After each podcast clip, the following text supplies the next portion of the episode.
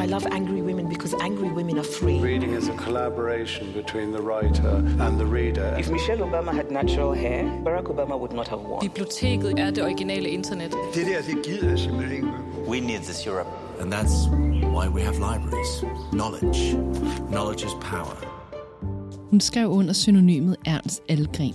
Men generelt var den svenske forfatter Victoria Benediktsson en gådefuld figur. Det man vidste om hende var en kort og enkel fortælling. Hun var en kvinde, hun ville gerne skrive. Så mødte hun en mand, han var ikke særlig sød over for hende, og så tog hun sit eget liv. I den podcast, du skal lytte til lige om lidt, der gør vi op med myten om Victoria Benediktsson, hvor vi dykker ned i det moderne gennembrud og perioden til vigtigste skikkelser sammen med Elisabeth Åspring og Lise Bak Hansen. Elisabeth Åsbring er lige nu aktuel med biografien Mit store smukke had, hvor hun dykker ned i mysteriet om Benediktsons liv, og hvor hun blandt andet bruger breve og dagbogsnotater og en masse andre dokumenter til at udfolde hele historien. Så det helt store spørgsmål er, hvem var den kvinde, som på den ene side var præget af et enormt kvindehad, men på den anden side også virkelig havde den position, som samfundet satte kvinder i. Hun ville for alt i verden gerne skrive sig fri for den skæbne, der ventede hende som postmesterfrue i Skåne, men hun gjorde det også igennem et mandligt pseudonym. Du skal glæde dig til at høre om en af Nordens mest fascinerende skæbner. En kvinde, der på mange måder var et levende billede på den tid, der gjorde Skandinavien moderne.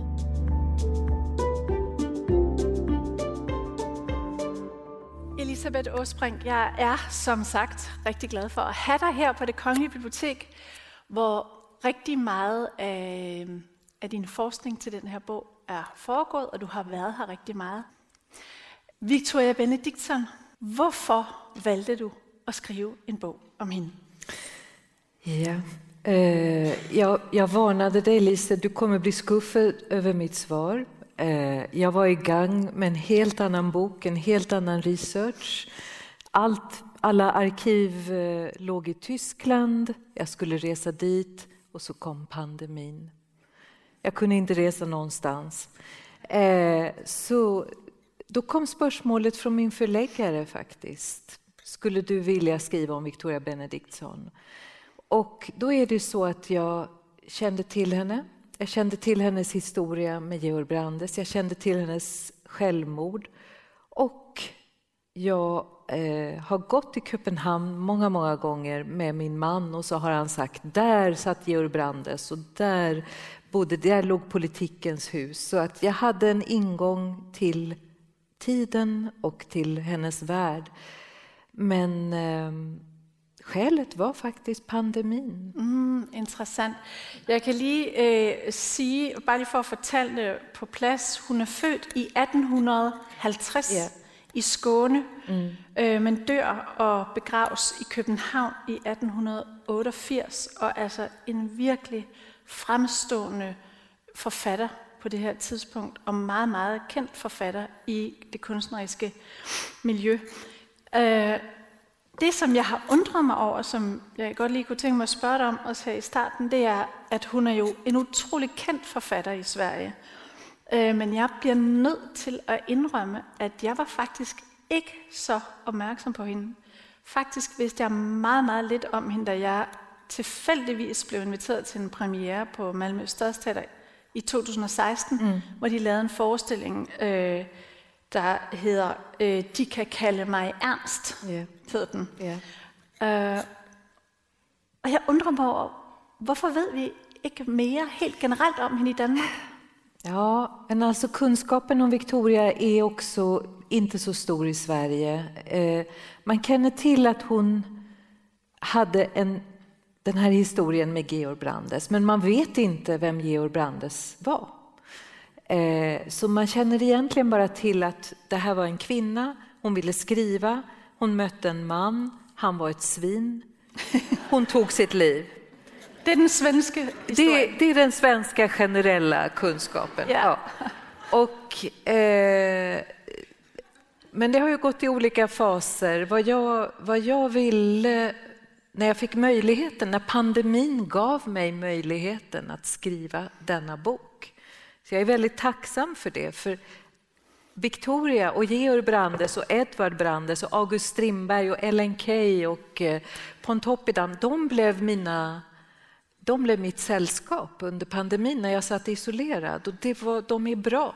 De är, de är spännande att umgås med. Det är ett gott sällskap. Ja, det är ett gott sällskap. De är jobbiga, de är intelligenta, de är otrevliga, de är förfärliga, men de är intressanta. Man har, men det är inte kiddeligt. Så kunskapen om Victoria har gått i vågor. Och hon blev känd under sin livstid för att hon gick rakt in i debatten. Mm. Eh, och hon kom med en, en eh, koppling till landsbygden, till, till Skåne, som människorna älskade då. Det var, det var nytt, det var spännande att höra om Skåne. Så det var en tid. Sen kom nästa del av hennes berömmelse när Axel Lundegård, hennes goda vän, publicerar hennes material efter, efter hennes död. död. Ja, då kommer nästa omgång. Ja. Och då, fram, då kommer ju historien om Brandes fram, men först anonymt och sen mer och mer öppet. Och då blir hon fördömd. I Danmark? Nej, i Sverige. Ja. Och så där, hennes berömmelse i Sverige, först är hon en stjärna, ja. en litterär superstar. Ja. Sen blir hon en dålig kvinna. Och hon blir dålig för att hon har en historia med Brandes och hon blir också dålig för att hon inte har lust till sex med Brandes. Det kommer vi in på senare. Ja, men det är så intressant. Ja, vi kan, det kan vi snacka mer om. Ja. Eh, så det här är intressant, för hon blir fördömd. Både för att hon har en relation med Brandes mm. och för att hon inte vill ligga med honom. Så det är en lose-lose situation. Och sen blir hon känd i Sverige i den feministiska litteraturvetenskapen. Och där är hon också känd i Danmark inom den forskningen, inom akademin, ja. feministisk litteraturvetenskap. Ja. Men alltså, det är ett mycket, mycket märkligt öde. Men det är som om att de danska Georg Brandes forskare ja. Har inte givit henne en särskilt positiv plats i litteraturhistorien. Tvärtom. man att säga. Vi, jag vet inte om du kan huska den här filmen Glenn Close, eh, Farliga förbindelser. Det är så de ser på Victoria Benediktsson. Ja, alltså hon... Och eh, man skulle kunna tro, och det är framförallt Jörgen Knussen som var Georg Brandes stora biograf, men också nu ska vi se om jag kan säga det rätt. Elias Bredorf. Fredsdorf. Bred, Bredsdorf, ja. ja. Bägge de två, tunga, fantastiska forskare, men de de kan inte li och de kan, de kan inte acceptera Victoria Benediktssons förtälling om kärleken till Brandes. Nej. Så de, eh, de skriver ner henne. Ja. Men det intressanta med Jörgen Knussen är att han både skriver ner henne och citerar henne. Så han, han provar henne som kille i, ja. i men i så hvert fald har hun ikke spillet nogen rolle sådan for os, altså når vi gik i gymnasiet og så videre, når vi ellers lærte om det moderne gennembrud. Men, Men hon har spelat, undskyld, ja. det är bara det att hon har spelat roll som en skadlig, dålig kvinna för Brandes. Ja.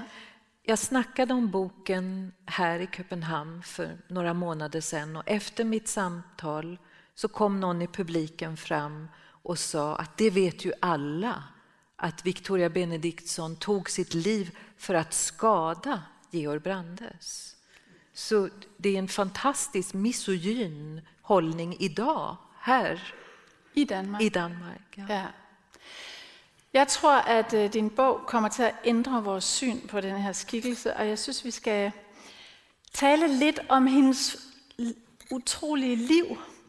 Uh, hon uh, föds som sagt i Skåne, øh, og øh, du øh, skriver, at det er som om hendes forældre i virkeligheden savner en bror, som de, en søn, de har mistet, og derfor i virkeligheden altid savner, eller altid længes efter, at hun var en dreng. Mm.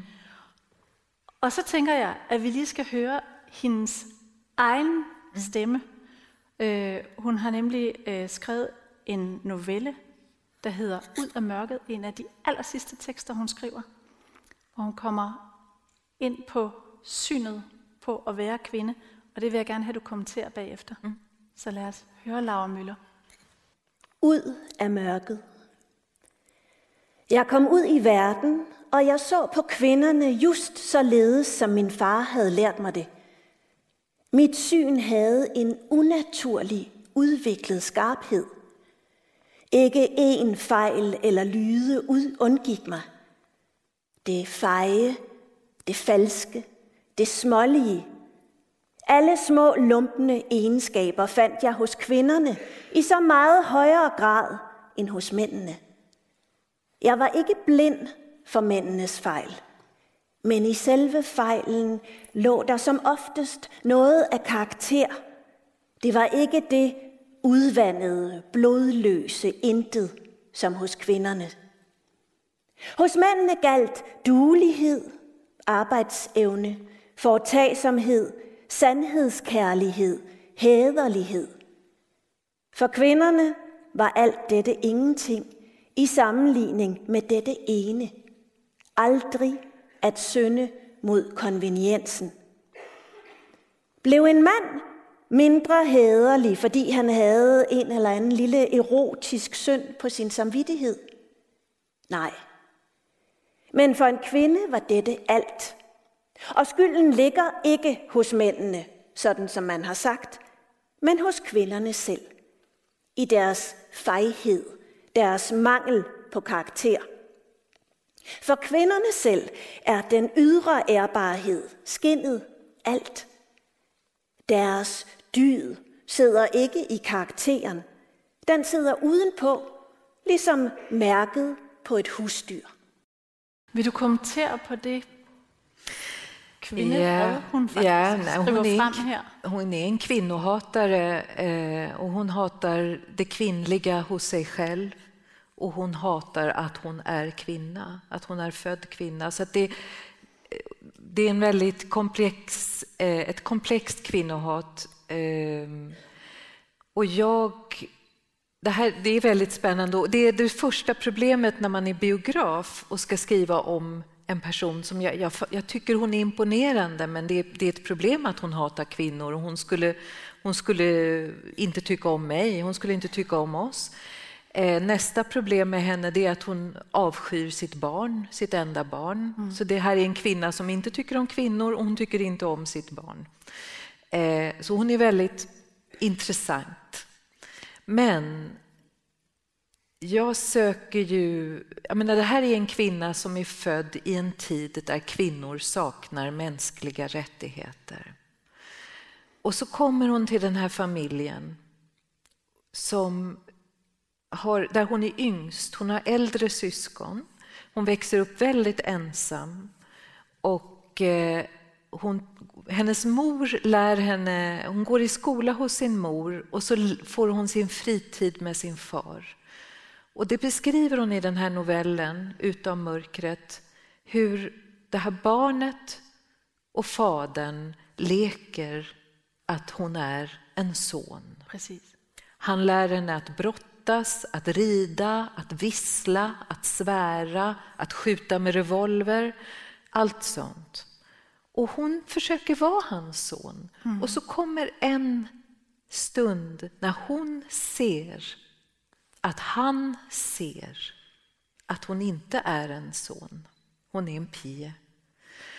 Och hans besvikelse, hans skuffelse där vänder hon mot sig själv. Och så hon, hon vill inte vara kvinna. Nej. Och det här är, så, det är ett sorts självhat Eh, och det präglar henne väldigt starkt. Och sen har jag en teori som du nämner lite, som jag skriver om i slutet av boken, om hur det här självhatet leder till hennes självmord och vad, vad det kommer ur. Mm. Eh, men det är en lång, lång historia. Men, eh, men... Det, är, det, är ju, det är ju det att hon gör ingen analys av varför är kvinnor som Laura läste det här stycket. Varför är kvinnorna underlägsna eller måna om sin eh, heder? Hon, hon, kan inte göra den analysen, den har inte uppstått ännu. Nej. Men i virkeligheden er det jo ikke så usædvanligt for den tids kvinde, altså de kvinder, der gerne ville noget, blev nødt til at lægge afstand til al kvindelighed og andre kvinder. Ja. Så man har jo set det før, og Karen Bliksen havde jo lidt af det samme faktisk. Ja. Også lagde afstand til andre kvinder. Ja, och Karin Blixen är ju också senare, långt, långt senare. Langt senere. Ja. Ja. Men eh, Victoria Benediktsson är väldigt intressant för att hon, hon vill bli konstnär ja. och hon vill bli fri. Det är de två, det är det som är hennes ideal. Ja, det, Och att vara kvinna, det är inte kompatibelt med att vara konstnär och det är inte kompatibelt med att vara fri. Så att hon måste... Hon bryter med allt kvinnligt. Att vara hustru, att vara kvinna, att vara mor. Bort. men da hun er helt ung, der drømmer hun netop om at blive billedkunstner Ja. og tegner hele tiden og maler. Og den største drøm er at komme til Stockholm på Kunstakademiet, og det får hun nej til. Til gengæld bliver hun gift, og det skal vi lige se et billede af, hvordan det ser ud. Øhm, og hun bliver gift med, ja, du kan fortælle, Ja.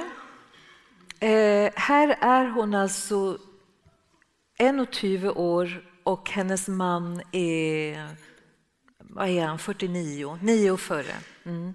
Han har redan fem barn. Och eh, jag bara tänker på när du säger hon blir gift. Det är ju inte så. Det, har, det är också en sorts förtälling om henne. Hon blir gift med en äldre man. Nej, nej, nej, nej. Hon väljer han. ja, Hon väljer han i revolt mot sin familj. ja, Familjen har sagt nej till att hon ska få bli konstnär. Hon tänker aldrig låta dem bestämma mer. Så som en protesthandling gifter hon sig med denna postmästare i en lilla, lilla Hörby.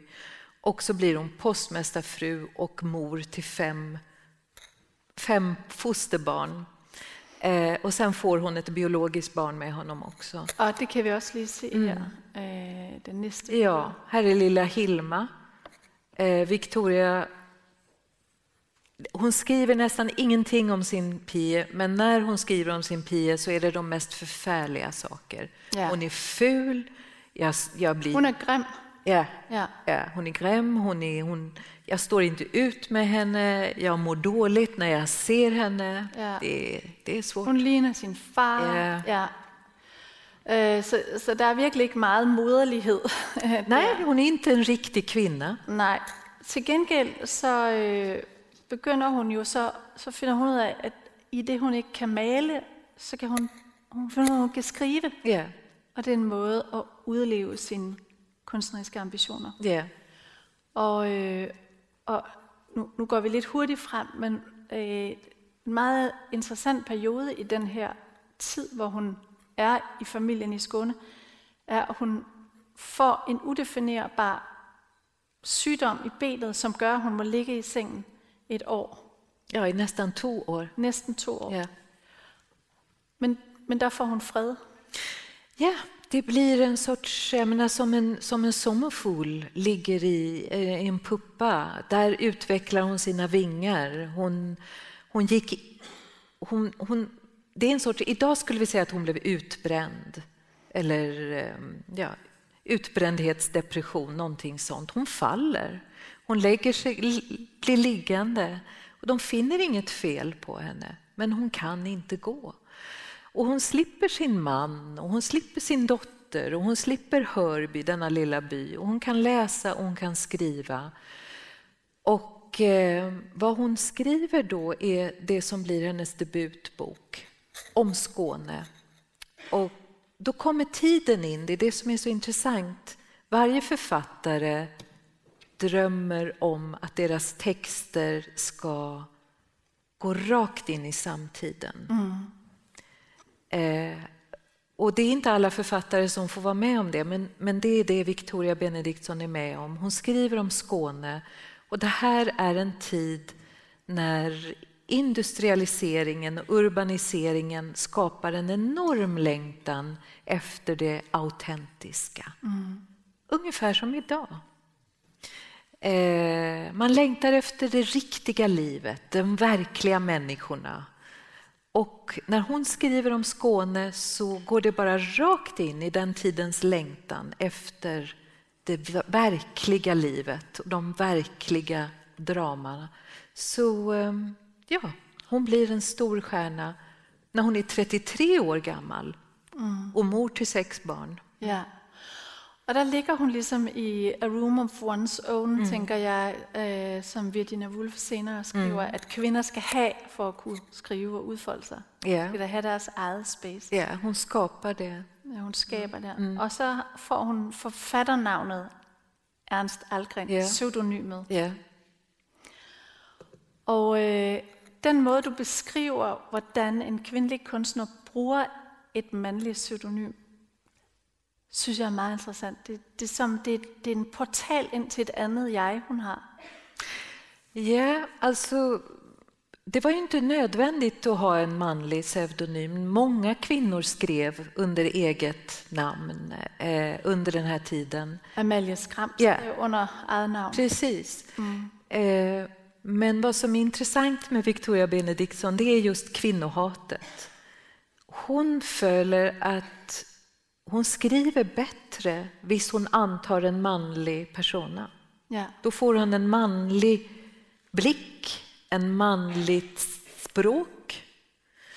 Eh, så att vara Ernst Ahlgren, det befriar henne. Eh, Ernst Ahlgren är inte gift med postmästaren.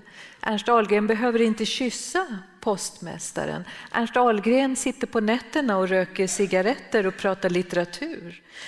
Det är en annan person och han är man. Så hon skriver bättre när hon tänker att hon är en man och det har med kvinnohatet att göra.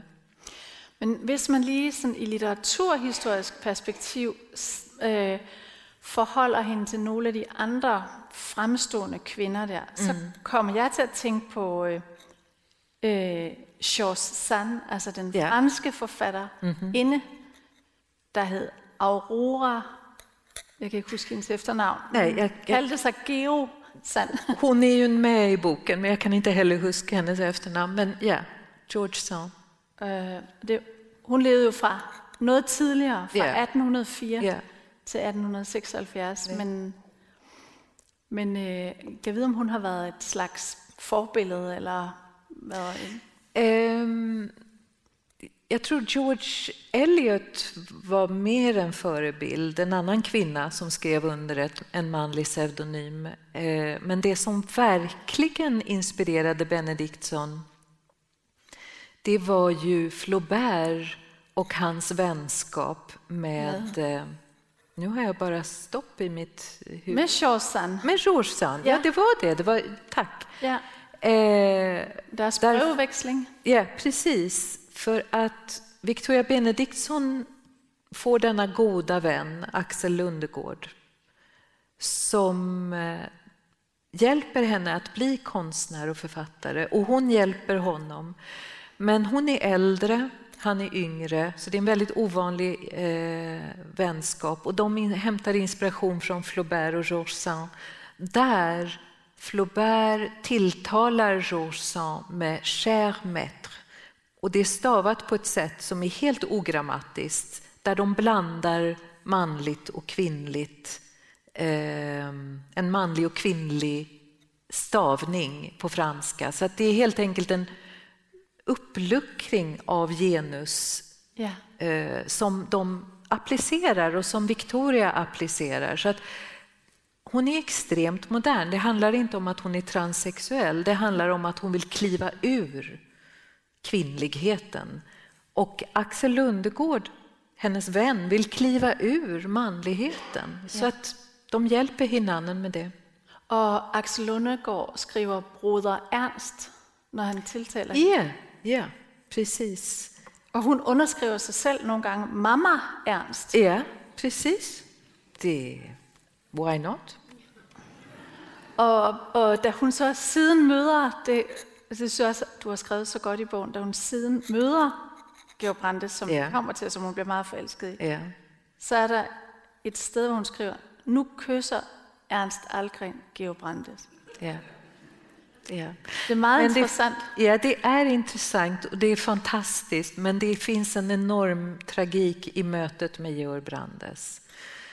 För att nu går vi väldigt hurtigt fram i hennes liv, men, men från att ha varit denna gifta kvinna i Hörby och mor till sex barn och så förvandlar hon sig genom den här sjukdomstiden till författare, till Ernst Ahlgren. Så hon har befriat sig från allt det som är kvinnligt, nästan allting. Och så kommer hon till Köpenhamn som Ernst Ahlgren och möter Georg Brandes. Men han är inte intresserad av en kvinna utan kvinnlighet. Så hon måste börja bli kvinnlig igen mm. för att behålla Georg Brandes uppmärksamhet. Ja. Eh, så den här bilden, porträttet vi såg eh, i begynnelsen, mm. där ser man hennes, vad heter det på danska? Eh, Kröller? Ja, ja, precis. De klipper hon för att Georg Brande säger du är smuckare med Ja, det kan jag ja. lide. Så det, mm, hon måste förvandla sig tillbaka. Men, men allra först skulle jag gott tänka mig att vi äh, talar om den längsel hon så har efter Köpenhamn. Så hon sidder over i Skåne, og, hun, og så ligger over på den anden side af sundet, København, yeah. Og lyser yeah. og trækker i hende. Alltså Köpenhamn är ju, det är ju där allting händer och det är där Georg och Edvard Brandes finns. Eh, Stockholm har inte alls samma vitalitet. Eh, Stockholm är ju mycket mer som en lillby med skvaller och social kontroll. Och den är helt enkelt, det är inte lika utvecklat som Köpenhamn. Så eh, det är den ytliga förklaringen, men, men det, det verkliga som drar henne dit, det är ju att när hon vill bli författare i Hörby hon har ingen att diskutera litteratur och text med. Och i den ödsligheten så blir Georg Brandes hennes mentor på distans. Och det var han för tusentals kvinnor i Norden.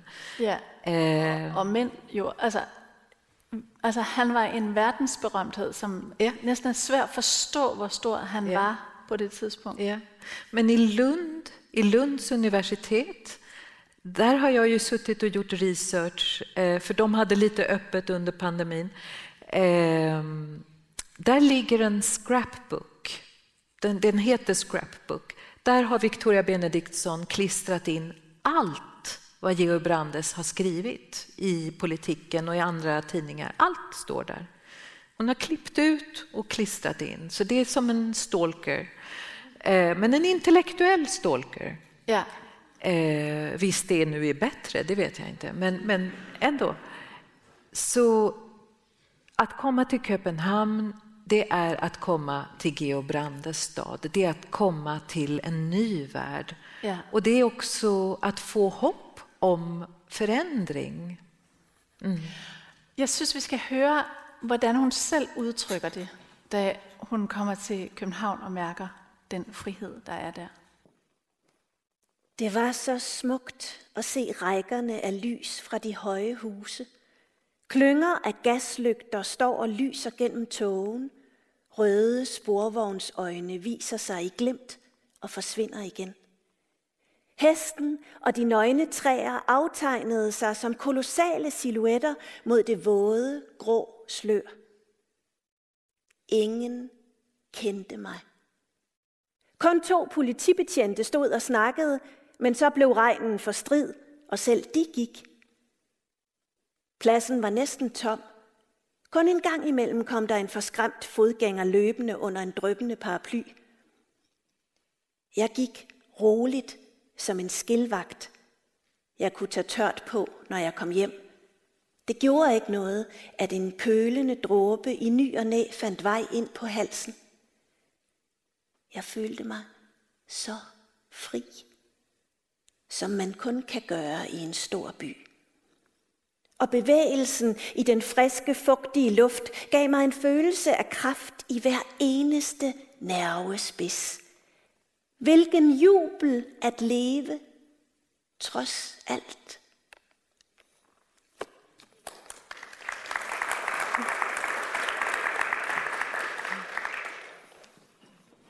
Så ja, vi så lige Kongens Nytorv, som hon går runt på här. Ja, hon går sju, åtta varv runt i regnet i Köpenhamn, Ja. runt statyn. Ja. Ja.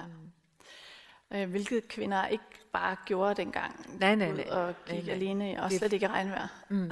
Nej, men hon, hon var fantastisk på den måten. Men det är också intressant att hon, hon kommer till Köpenhamn med den här längtan efter stadens anonymitet. Men, men sen blir hon ohyggligt ensam i Köpenhamn. Och hon sitter på Hotell Leopold. Eh, där alla de skandinaviska författarna också bor. Strindberg och Björnstjerne Björnsson och alla. Men det är så ensamt. Och faktum är att Georg Brandes är den, den bästa vän hon får i Köpenhamn, trots allt. Eh, det är en märklig relation dem emellan. Og det er jo helt utroligt, at hun har siddet over i Skåne og længtes efter den her, det her kæmpe idol, og så er det faktisk ham, hun ender med at være tættest på.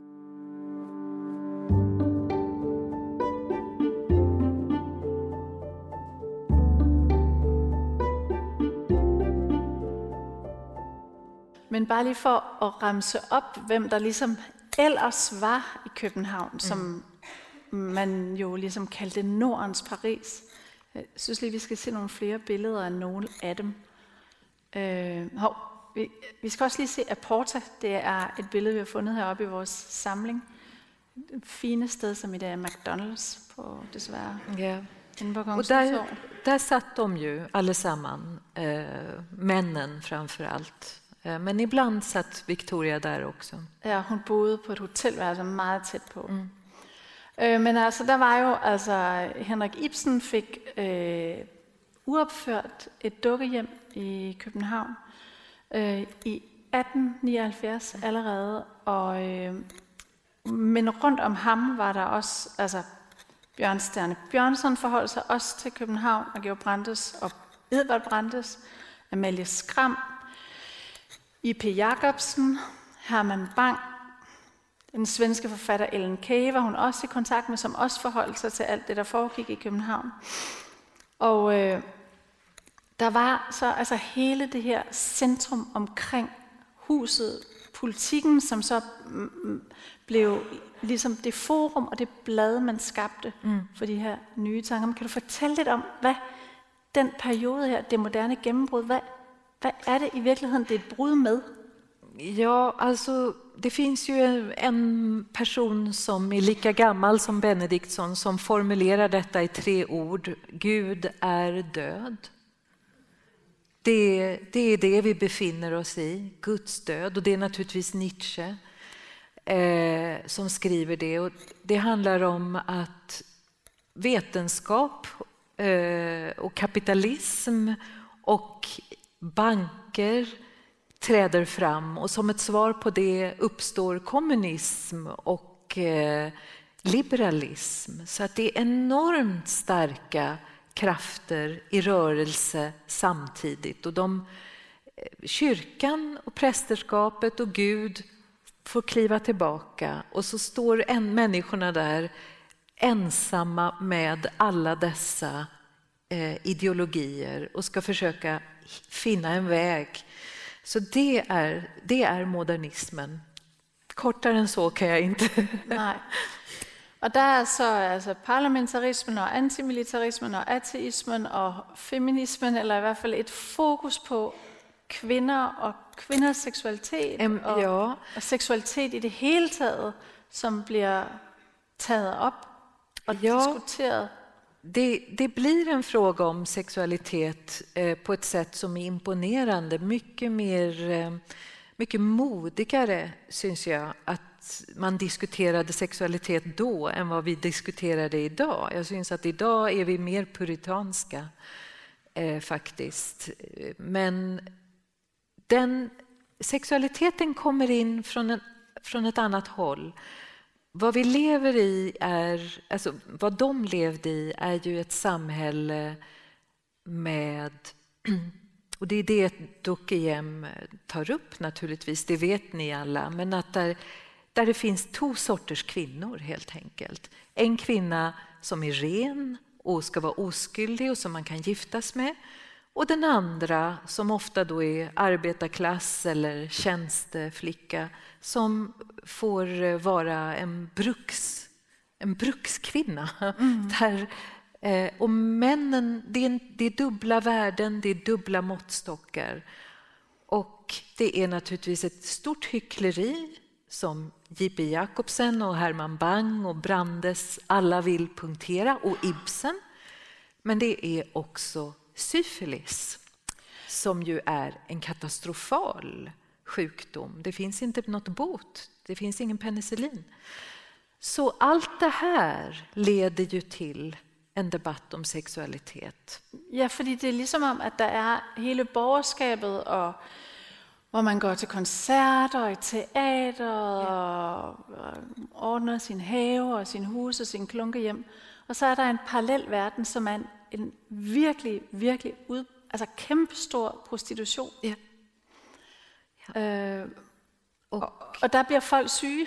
Ja. så det der jo er, det er, at øh, altså, det er jo en af de mest hyppige dødsårsager til mænd på det tidspunkt, mm. det er, at de dør af syfilis. Mm.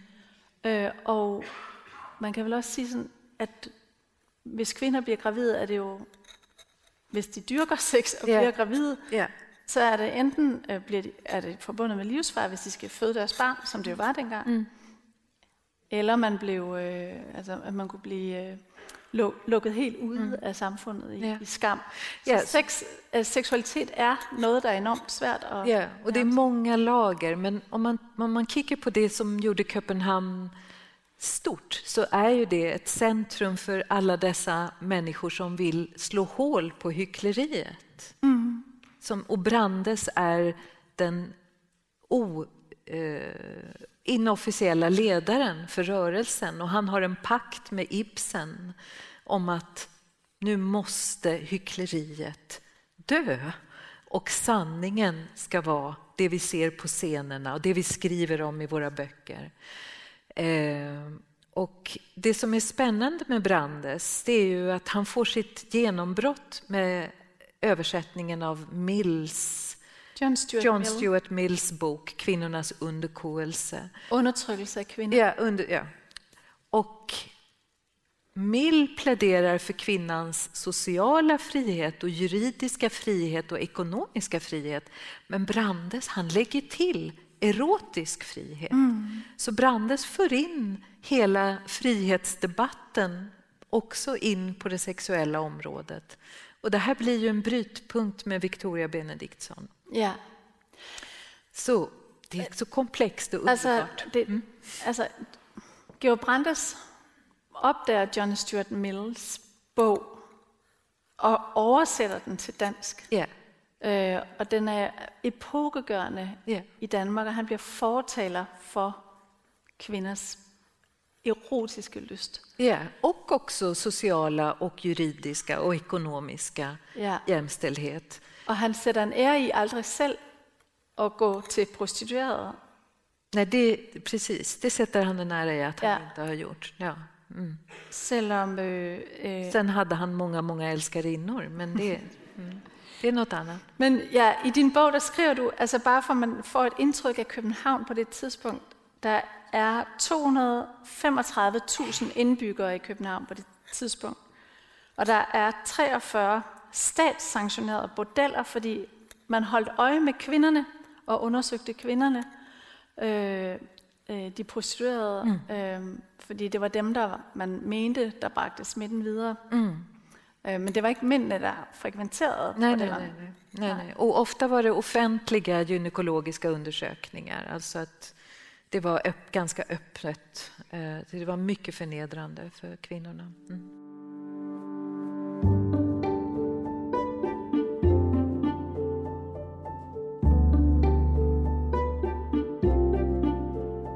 Georg Brandes figuren, som nu synes jeg, vi bliver nødt til at tale tage fat på ham. Mm. Øhm,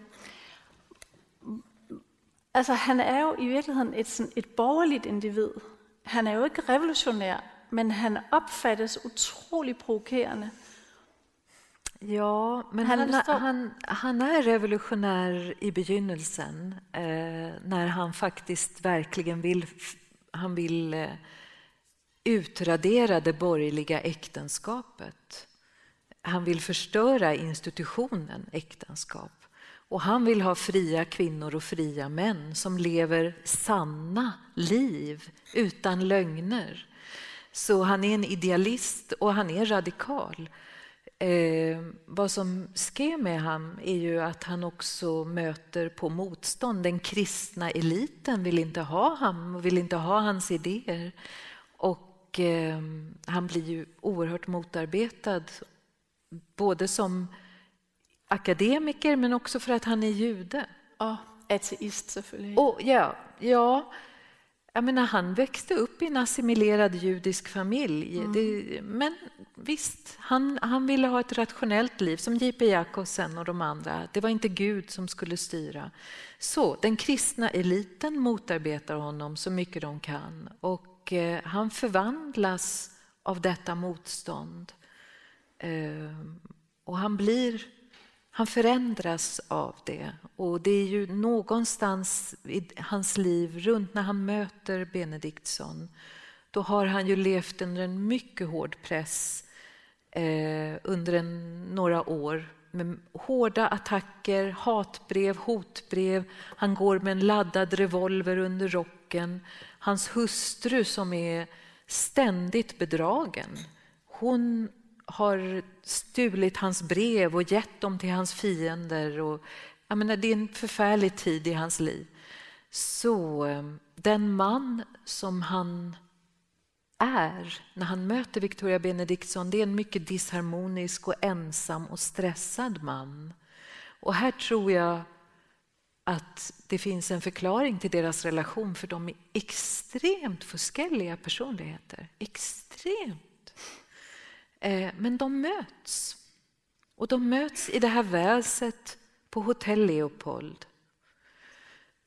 Och det uppstår ett samtal och sen uppstår det kyssar och sen uppstår det lite mer. Men, vi ska inte förtälla allt. Nej, men, men vi kan ju pröva att höra, för hon har ju en bok som hon kallar den stora bok. Ja. Kan du berätta om vad det är för en bok? Ja, men alltså Stora boken det är ett samlingsnamn för skrivböcker. De ligger också i Lunds universitet och de skiftar karaktär. De innehåller allt möjligt, men det är hennes arbetsböcker. Hon prövar idéer, hon samlar anekdoter, hon, hon gör allt möjligt i de böckerna. Men den dag hon möter Geo Brandes så händer någonting med Stora boken, som hon kallar det. Och från den stunden är det inte längre ett virvar av spontana anteckningar utan det är en mycket väl skriven och spännande förtällning om en man och en kvinna som möts på ett hotellväs, en hotellväse i Köpenhamn och snackar och kysser hinanden och så lite mer. Och det är en allvetande röst, det, är, det har hänt, det är imperfekt. Eh, det är något helt annat och det är riktigt, riktigt god förtällning. Det är bara det att det gick inte att publicera. Mm. En kvinna kan inte skriva om sex och hat och åtrå och vrede. Det gick inte. Och hon visste det. Men hon skriver så om de möter de har. Ja. Øh, och øh, jag syns vi ska höra en scen här där han kommer på besök. Hon hade varit ute och gå, var lige kommit hem ventede ham, for hun havde bedt ham komme, selvom hun ikke vidste, om han kunne eller ej. Og han kom. Han trak hende ind til sig, kærtegnede hende fint og smukt, men sagde de, og hun følte det som et slag i ansigtet. De? Åh, oh, fy! Så du. Men det falder mig ikke naturligt. Så skal de heller ikke sige det. Han skiftede om og sagde du, men indvendigt følte hun sig såret og undgik begge tiltaleord. Så gik hun ind og skiftede sko. Han kom ind i det halvlyse rum, der blev oplyst fra den åbne dør og fra gaslygterne ude på den åbne plads. Hun følte hverken skam eller frygt over for ham. Hun tilhørte ham med alle sine tanker, al sin længsel, med alt det varme og barnlige og rene, der stadig var tilbage i hendes sind. Han gik tilbage til hendes arbejdsværelse og ventede. Da hun kom ud, blinkende mod lyset, stod han lige foran døren. Han lagde hænderne på hendes skuldre og smilede, og hun var glad for, at han var kommet. Glad for, at den nye kjole var smuk, for at han måtte synes om hendes lille hjem, for alting. Hun ønskede sig ikke andet i verden, end at se ham der, venlig og god. Gå omkring, som om alt dette tilhørte ham. Og derfor stod hun også og smilede. Stod og smilede med sin eftersommerglæde. Så drejede han hende rundt med et kraftigt greb, så hun kom til at stå med ryggen til ham. Og hun lå, kastede sig bagover med nakken mod hans skulder, smidig og bøjelig, med armene bagud om hans hals. Ej, du, nu gør du mig helt skør, udbrød han hurtigt. Hun rettede sig øjeblikkeligt op. Hun blev atter bange for dette grove, stykke, der kunne komme imellem dem. Komme som en frostnat efter sensommersol og herve alt, hvad den havde lukket frem. Vil du? Åh, oh, gamle spørgsmål. Det er skræmmende, med længsel ventede, hvor nej og ja var lige farlige for den, der kun frygtede én ting, at miste. Miste. Nej, at blive skubbet ind i mørket, væk fra alt det, der var sol og lys og varme og liv, ind i døden. Væk. Hun tog ikke svare på det spørgsmål. Hun ville udskyde det, overhøre det, sole sig mere i det aftenskær, der skulle forsvinde. Så hun smilede bare. Smilede så bedrøvet og trofast, og mens hun så ham ind i det oprørte ansigt, hvor udtrykket afventede hendes ja, begyndte hun at stryge med alle sine fingre gennem hans hår. Om og om igen. Gennem det tykke hår ned over nakken, sådan som hun plejede, når hun ønskede at gøre ham rolig og stille. Og udtrykket blev blidt. Du vil ikke. Hun svarede ikke. Det sad fast som gråd i halsen. Hvor længe, ak, hvor længe ville hun købe sig denne galgenfrist. Og hun fortsatte med at stryge med sine hænder, tavs og stille, som når en mor vil berolige sit barn, mens han lukkede sine øjne. Langsomt, som om han ville drømme om noget langt borte, som hun mindede ham om. Så lad os tale om noget andet, sagde han. Og de gik over til den lille sofa, hvor de satte sig til en samtale kom il faut, på passende afstand for en herre og en dame. Hvor er du fin, sagde han, smilende og så på hende. Er det for min skyld? Nej. jo. De talte længe om ingenting og alting, men mest om hans kærlighedshistorier. Og han drak lidt vin. Da han gik, sagde han, har du besluttet altid at indtage samme sædelige holdning over for mig? Hun rystede bare på hovedet. Alt for vemodig til at kunne sige noget. Har du ikke truffet din beslutning endnu? Ikke noget svar nu heller. Men han forstod hende.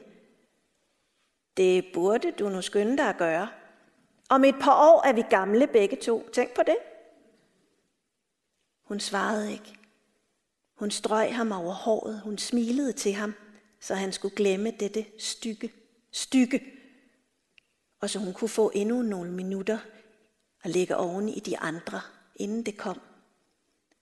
Står hun ikke og holder mig tilbage, så jeg ikke kan gå, sagde han lægende til sidst.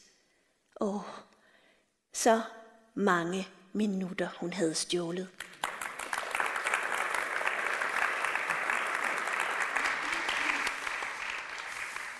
Det er nogle fantastiske beskrivelser, hun har af deres møder. Det är det, det är det. Men eh, det är inte säkert att det har hänt. Nej. Men det är god litteratur. Ja, det är god litteratur. Jag tror att hon... Eh, jag läste en gång en intervju med Orhan Pamuk, den turkiska författaren. Ja. Eh, och han fick ett spörsmål om vad är en författare? Och då svarade han, en författare är någon som tar en sekund och bygger en katedral. Mm. Mm. Ja. Och jag tror att Victoria Benediktsson, hon, det, hon visste det. Eh, Georg Brandes kom till henne många gånger, men ibland bara fem minuter, tio minuter. Hon ville att han skulle komma igen och igen. Här i Kungliga biblioteket så finns ju några av hennes brev och några av hennes visitkort där hon säger kommer ni, kommer ni?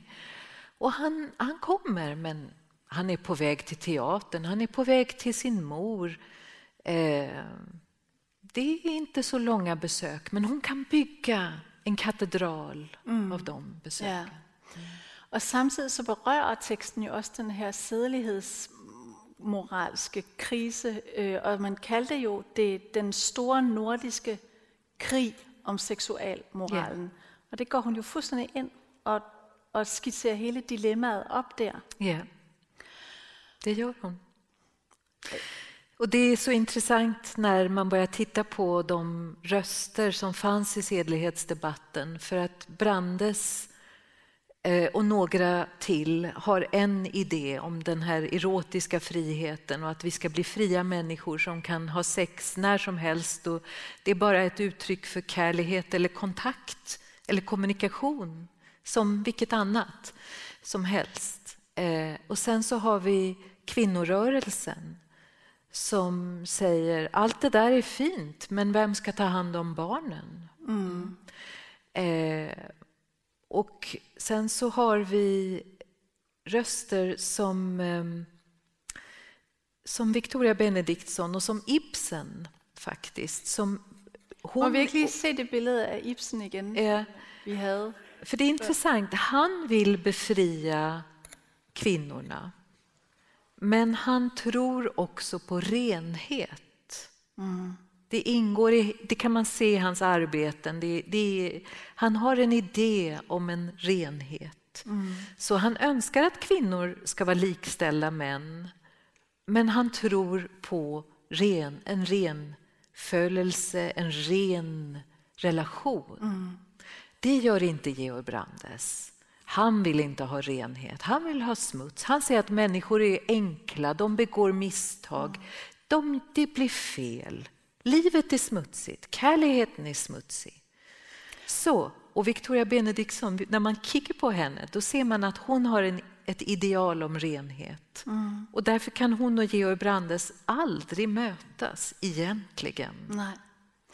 Men bara lige för att vända tillbaka till, till øh, Henrik Ibsen. Altså, hvis præmissen i et dukkerhjem, hvor Nora går øh, ja. fra familien til sidste, i sidste scene, mm. var jo skandaløs. Og for os sidenhen har det jo altid været lidt svært at forstå, hvorfor var det så skandaløst? Mm. Øh, og i virkeligheden øh, antyder du jo også, at det var skandaløst, fordi man tænkte, hvor gik hun hen?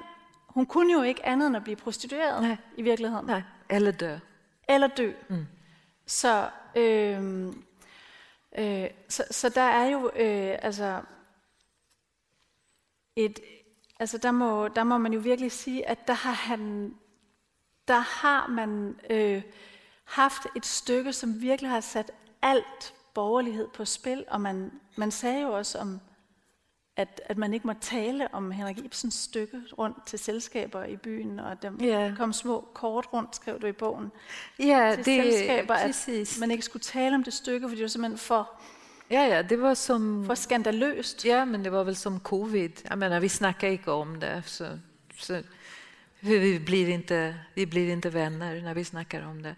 Nej, det var, det var djupt. Men det här var ju många, många år av debatt. Och vad man debatterade var eh, inte syfilis, inte prostitutionen, utan man debatterade om män och kvinnor skulle ha sex innan de gifte sig eller om män skulle låta bli, om de skulle vara kyska, vad säger man på Mm. danska? Kyske. Kyske, ja, Ja. fram tills äktenskapet, som Ja. kvinnor skulle vara. Ja. Och där fastnar man lite. Men Victoria Benediktsson är ju fantastisk på den måten. Hon är en av de få som skriver ordet syfilis. Det fanns inte i text. Hon skriver en hel essä om syfilis. Så hon går verkligen i, i fronten för det här att sticka hål på hyckleri och lögn. Mm. Og Amalie Skram, vi har her oppe bag ved os, sidder jo oppe i Norge på det tidspunkt stadigvæk, øh, men øh, sidder med Bjørn Stjerne Bjørnsson, og i virkeligheden også meget imod alt det, Georg Brandes står for. De har en anden holdning til... Ja, ja alltså, det här är ju intressant för Björn Stjerne Björnsson han syns ju först att Brandes är fantastisk men sen byter han hållning och blir anti-Brandes. Eh, och där blir det en stor strid dem emellan. Amalia Skram eh, hon har en annan agenda eh, och hon är ju framförallt har svårt för Georg Brandes för att han är jude. Hon, hon skriver ju ohyggligt antisemitiska eh, saker om honom. Så eh, det finns så många skift, skikt och så många lager i eh, den här samtiden. Men i grunden, den enkla versionen är att det blir en strid mellan, ska kvinnorna få ha sex eller ska männen sluta ha sex? Ja. Ja. Men til forsvar for Amalie Skram, synes jeg også, vi skal sige, at hun skriver jo også i forhold til frisættelsen af, af kvinden, at hun skal have lov til at udfolde sig. Og hun, hendes Absolut. store værk, Konstance Ring, handler jo om det borgerlige ægteskab, og Ja, hvor, ja. hvor fastlåst kvinden er der. Ja, och, och de skrev om det allesammans, J.P. Jacobsen och... Og han kommer her i Ja, och ba, ja, precis, där har vi J.P. Jacobsen. med det flotte overskæg. Ja. ja. Han, han var ju en fantastisk författare och det är också en man som man har glömt hur stor han var. Att James Joyce lärde sig danska för att kunna läsa J.P. Jacobsen i originalspråk. Eh, men eh, Og det siger igen noget om, hvor stort et centrum København Ja, var for præcis. den kulturelle debat i Europa. nämligen Og Niels Lynes litteratur, eller nej, øh, Ibe Jacobsens litteratur og mm. bog Niels Lyne var et værk, som Victoria Benediktsson, der så hun, li- altså der blev hun set i det værk. Ja, där känner hon igen sig och hon läser det om och om igen och hon citerar bitar, rader ur, ur boken. Eh, framförallt rader som handlar om att försvinna ur tiden och bara bli ett minne. Så hon tar fasta på, eh, vad ska man säga, det förgängliga i livet. Mm. Det kommer in i hennes dödsfixering. Här är ju politikens byggnad. Den, huset, byggningen står ju kvar i Köpenhamn, eh, nära magasin. Og politikken bliver skabt som et, et blad, som ligesom er centrum for hele den her bevægelse. Ja, det är ju en del i hela den här maktkampen när Brandes blir motarbetad och tidning, avis efter avis luckar för honom. Det finns ingenstans för honom eller Edvard Brandes eller någon annan att skriva. Så till slut måste de starta, de måste grunda en egen avis för att få ut sina idéer. Och det där blir politiken. Og Edvard Brandes er chefredaktør der, Edvard Brandes, ja. altså ja. Ja, precis. Eh, och den blir ju läst av alla i hela Norden. Läser politiken. Den var oerhört viktig. Och det de skriver om teater och konst och litteratur, det blir normgivande. Och det är, också, det är fortfarande det vi tycker. Det är det som är så intressant. När man läser vad de skriver, det är, det är de ideal vi har idag. Om yttrandefrihet, om sexualitet, om kvinnor och män. Det, det var det de formulerade. Og der starter altså hele den kulturradikale bevægelse, som I også har domineret vores kulturdebat her mm. i Danmark i mange, mange år, mm. og som også er under stor kritik.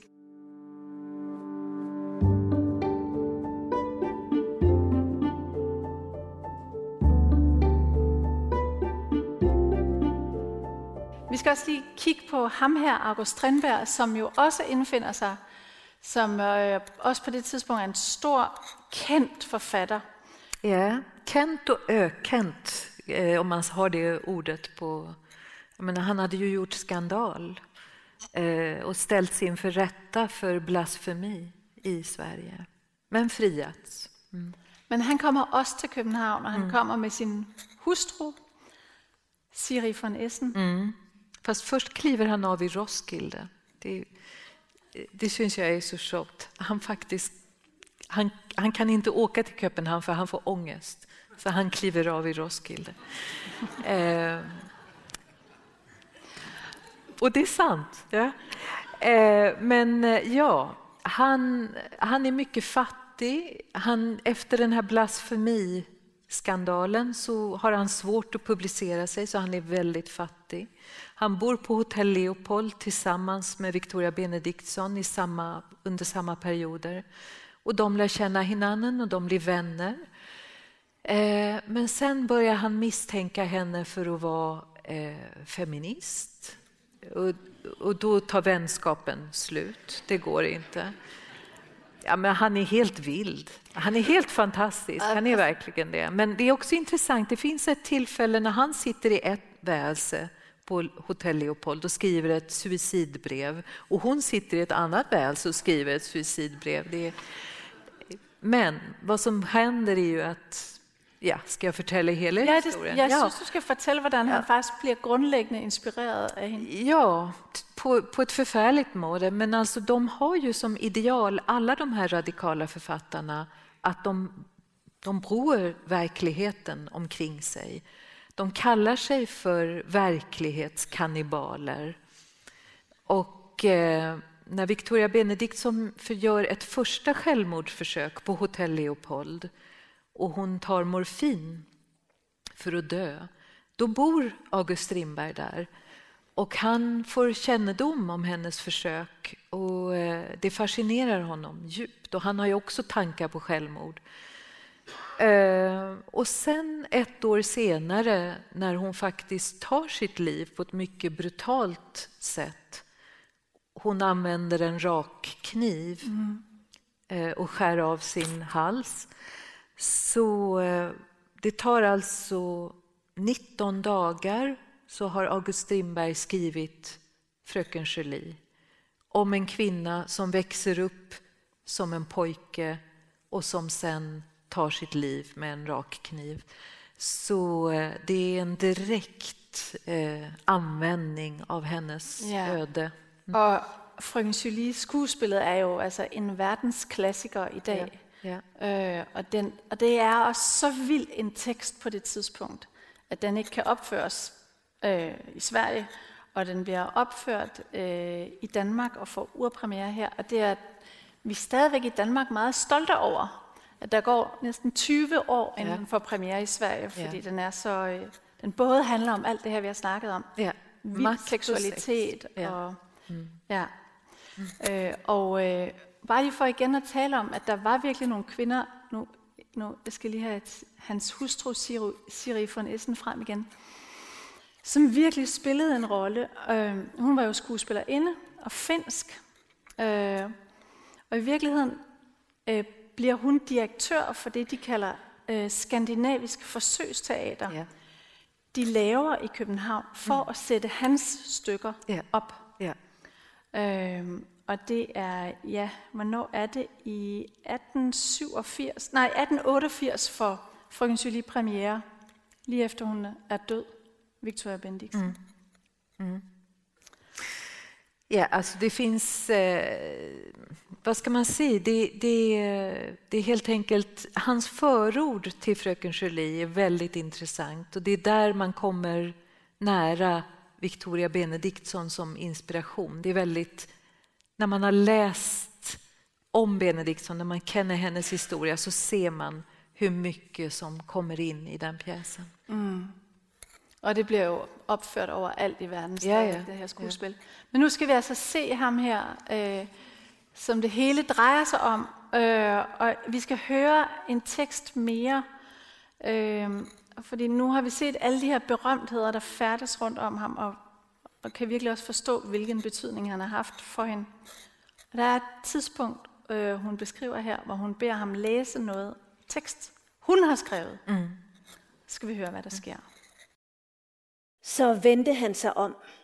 Han havde læst færdig. Hvilket udtryk i hans ansigt. Koldt, misbilligende, uvenligt. Angsten greb om min strube med kolde fingre. Først nu så jeg, hvad jeg havde gjort, hvad jeg ville miste. Han så på mig.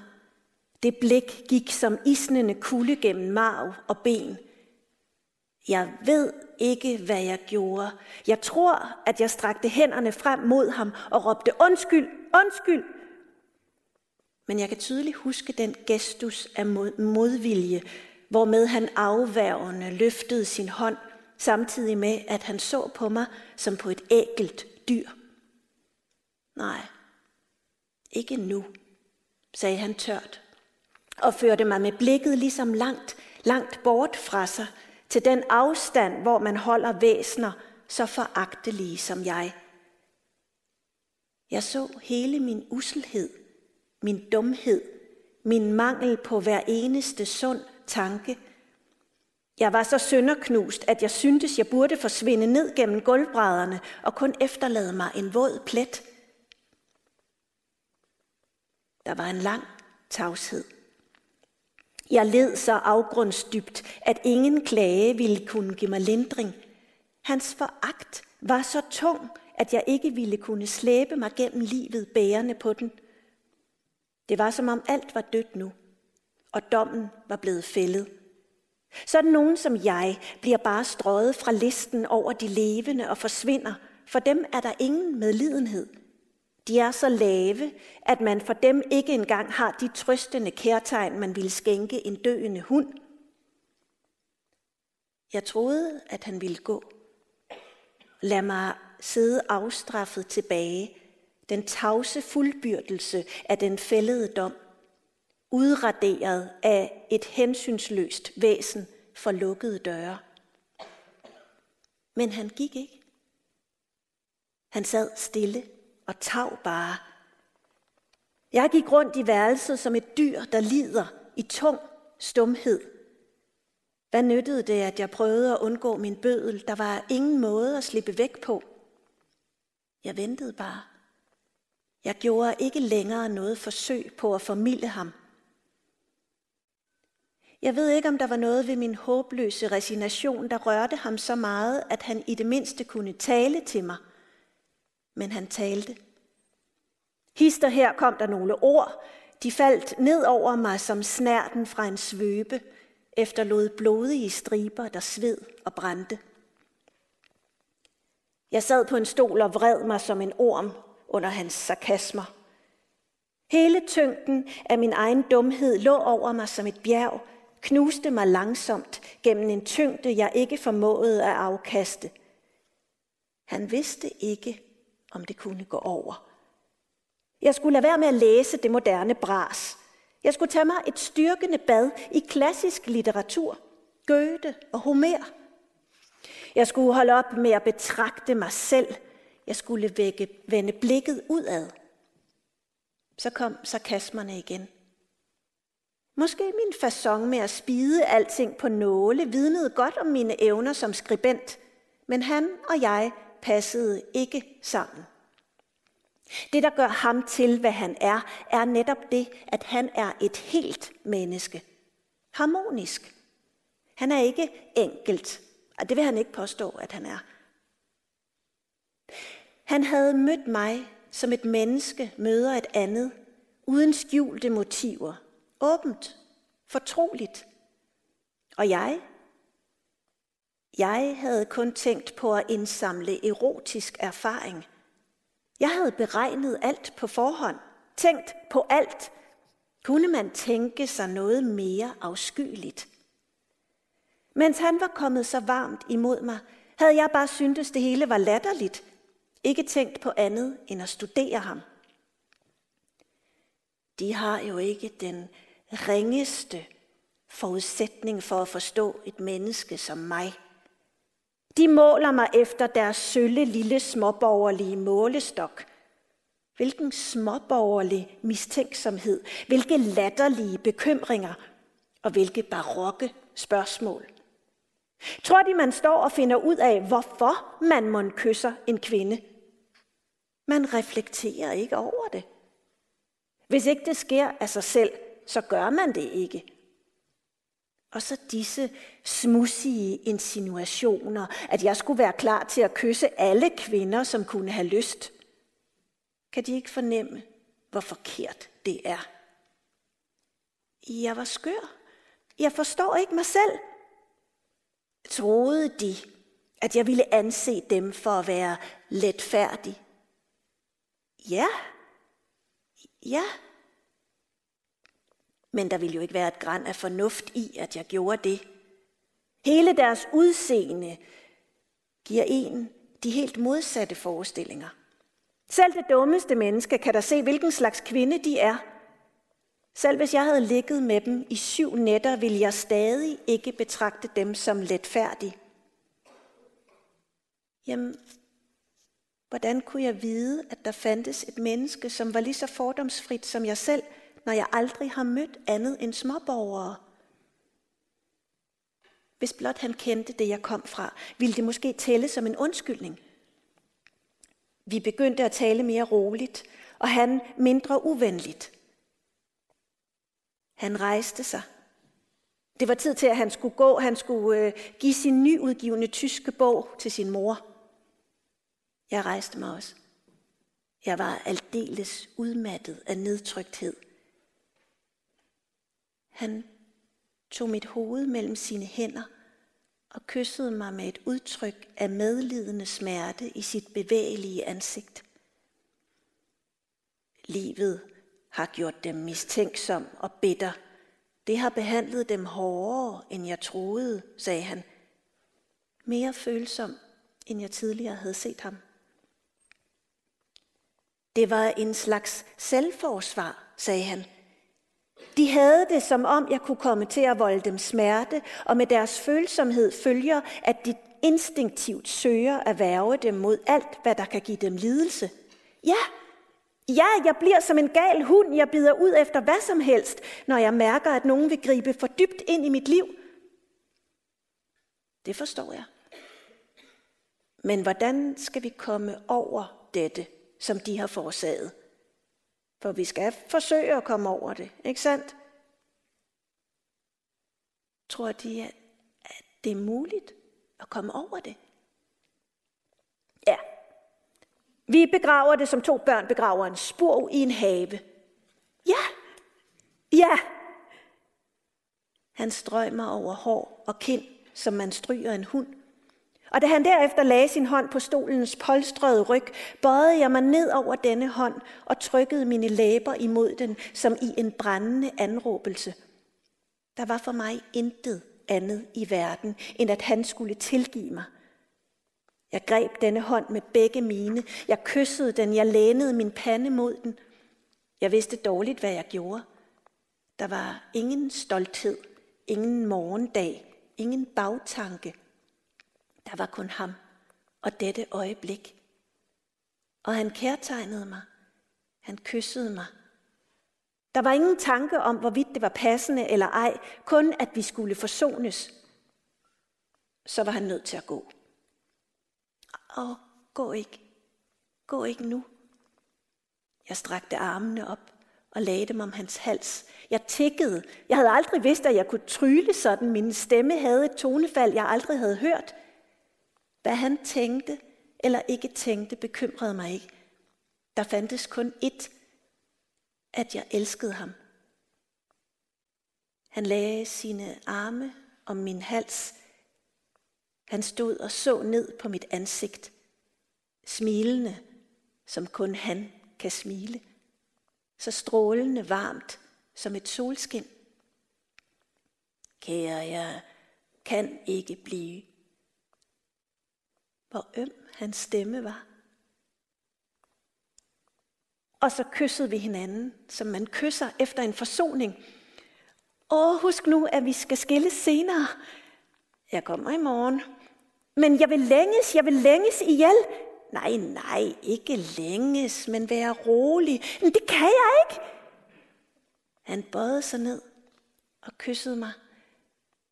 Jeg tror også, at det er kunstneranlæggende inde i dem, der gør, at de er nødt til at løbe linen ud. At deres natur har behov for at erfare alt, dykke ned til bunden af hver eneste følelse, lide hver eneste smerte. Så formanede han mig om, at jeg skulle spise ordentligt, drikke øl og sove godt, rigtig godt. Ikke tænke på ham, og ikke gruble over mig selv.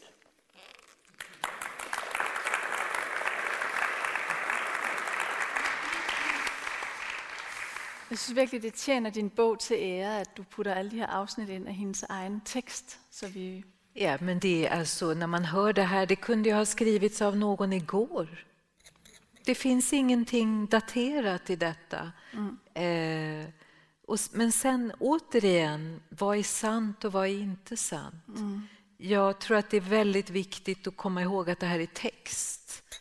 Eh, det är inte lögn, det är inte en dagbok, men text, mm. det är litteratur. Och eh, det är också... Ehm, det är helt enkelt bara djupt fascinerande att hon skriver sitt liv några timmar efter att hon har levt det. Och där får hon ju kontroll över det här. Det, jag, tror, jag tror inte allt det här är sant, men det är vansinnigt bra. Mm. Ja. Og du, og du laver virkelig et meget, meget smukt stykke litteraturformidling af hendes litteratur øh, i bogen. Men øh, hvor, hvorfor har du kaldt bogen Mit store smukke had? Hvad er det for et had? Ja, det är hennes egna ord i, eh, när hon vill presentera sig för sin vän Axel Lundegård. Det är det första brevet hon sänder till honom. Och Eh, hon vädjar till hans rebelliska sida. Han är ju en yngre man. Men det är också första gången hon talar om sitt hat. Och sen återkommer det här hatet. Det, där nämner hon det som att det är ett hat mot alla som inte tror på henne för att hon är kvinna. Mm. Och hon hatar dem och ur det hatet får hon kraft att bli konstnär, att visa världen att hon är någonting.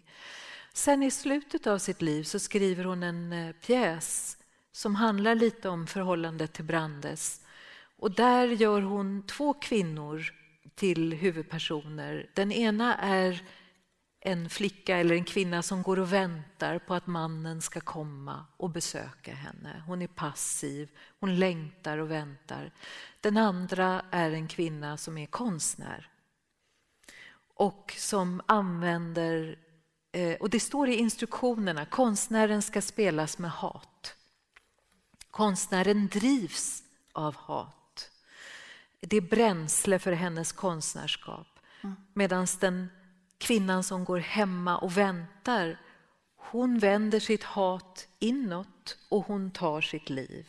Så som Victoria Benediktsson sen gör. Så att mitt stora smucka hat, det är helt enkelt eh, för att hat är en sån oerhört stark del av hennes personlighet, men det är tvåriktat. Mm. Det är både bränsle för att bli en skapande konstnär och det är ett självhat som till slut dödar henne.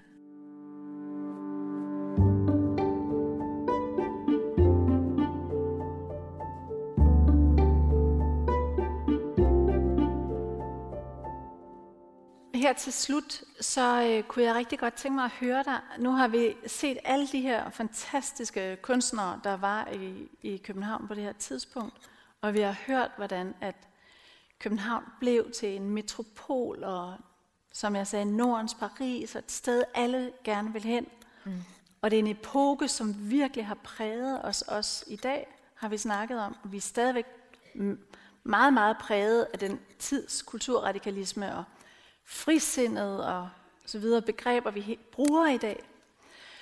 Øh, kan du forestille dig, at man på nogen måde kunne komme tilbage til sådan en nordisk offentlighed, som der var den her gang? som, hvor, hvor de intellektuelle kendte hinanden og utväxlade texter och meningar och debatter. Jag skulle önska att det var så. Eh, istället för att vi isolerade öar som inte känner hinanden. Men eh, hur? Det vet jag inte. Jag, eh, det var en fantastisk tid där man inte ville vara instängd, så man sökte sig ut. Och Det tror jag är en forskel mot vår tid. Mm. Här verkar vi längta efter att vara inne i våra väser och vi vill inte söka oss till andra tankar eller motsatta tankar. Vi vill stanna i vår väelse där alla, alla tänker som vi. Så jag tror att det handlar lite om eh, om att vi, eh, vi behöver bli mer nyfikna på hinanden, nysgerriga på hinanden mm. och eh, lite mer intresserade av olikheter mm. istället för likheter. Alltså tvärs över de nordiska gränser, tänker du?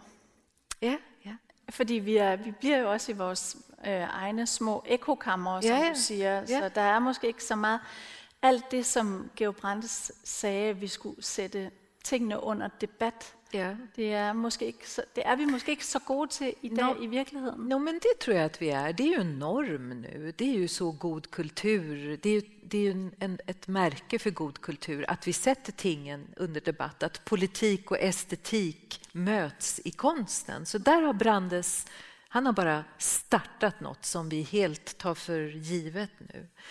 Men det nordiska intresset för varandras tankar och varandras verklighet. Den, det, det syns jag är väldigt eh, deprimerande att det är så litet. Att vi är så glada i vår egen verklighet och inte så intresserade i andras. Och hur upplever du det? För du färdas ju runt i Norden. Och... Ja.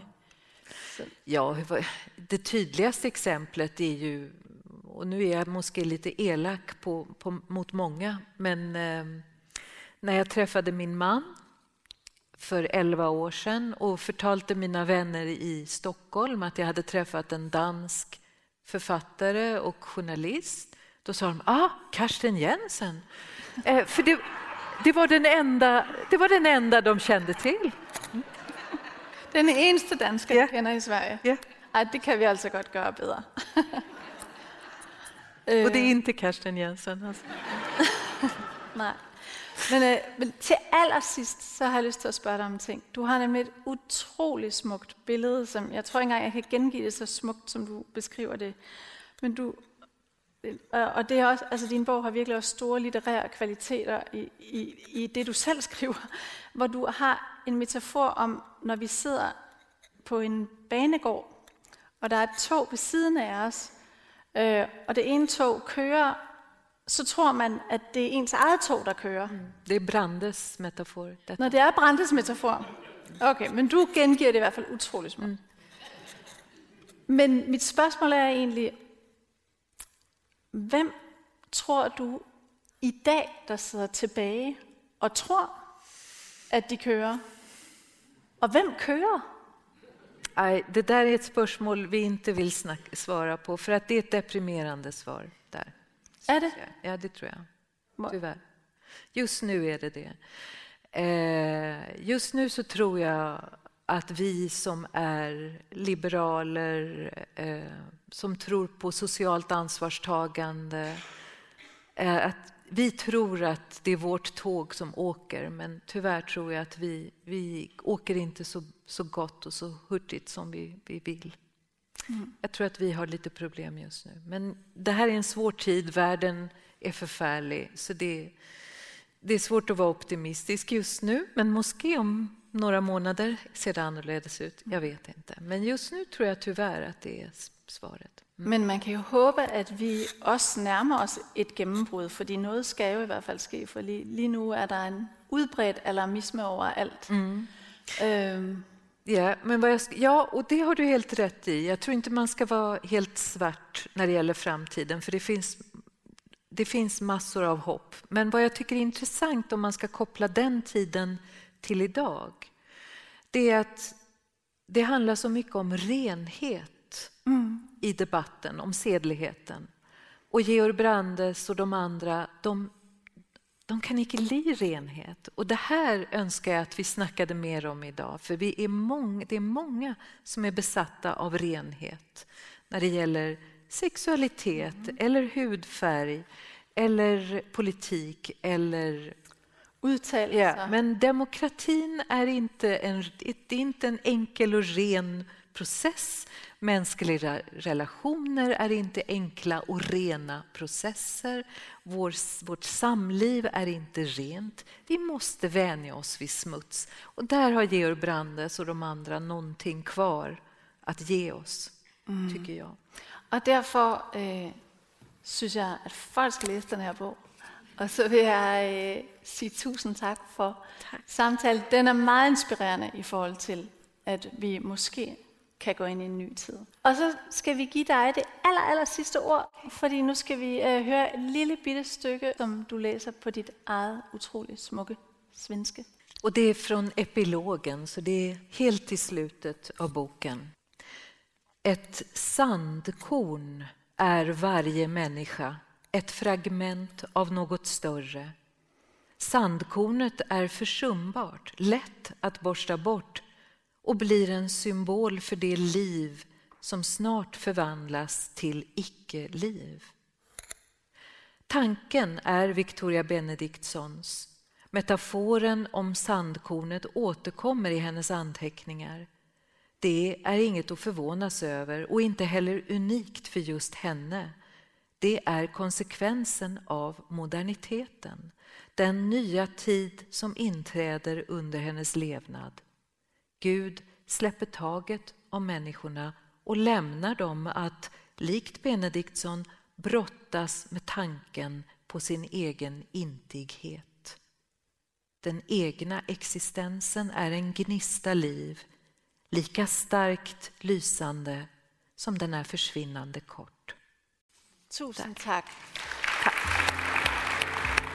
Tack så mycket. Tack.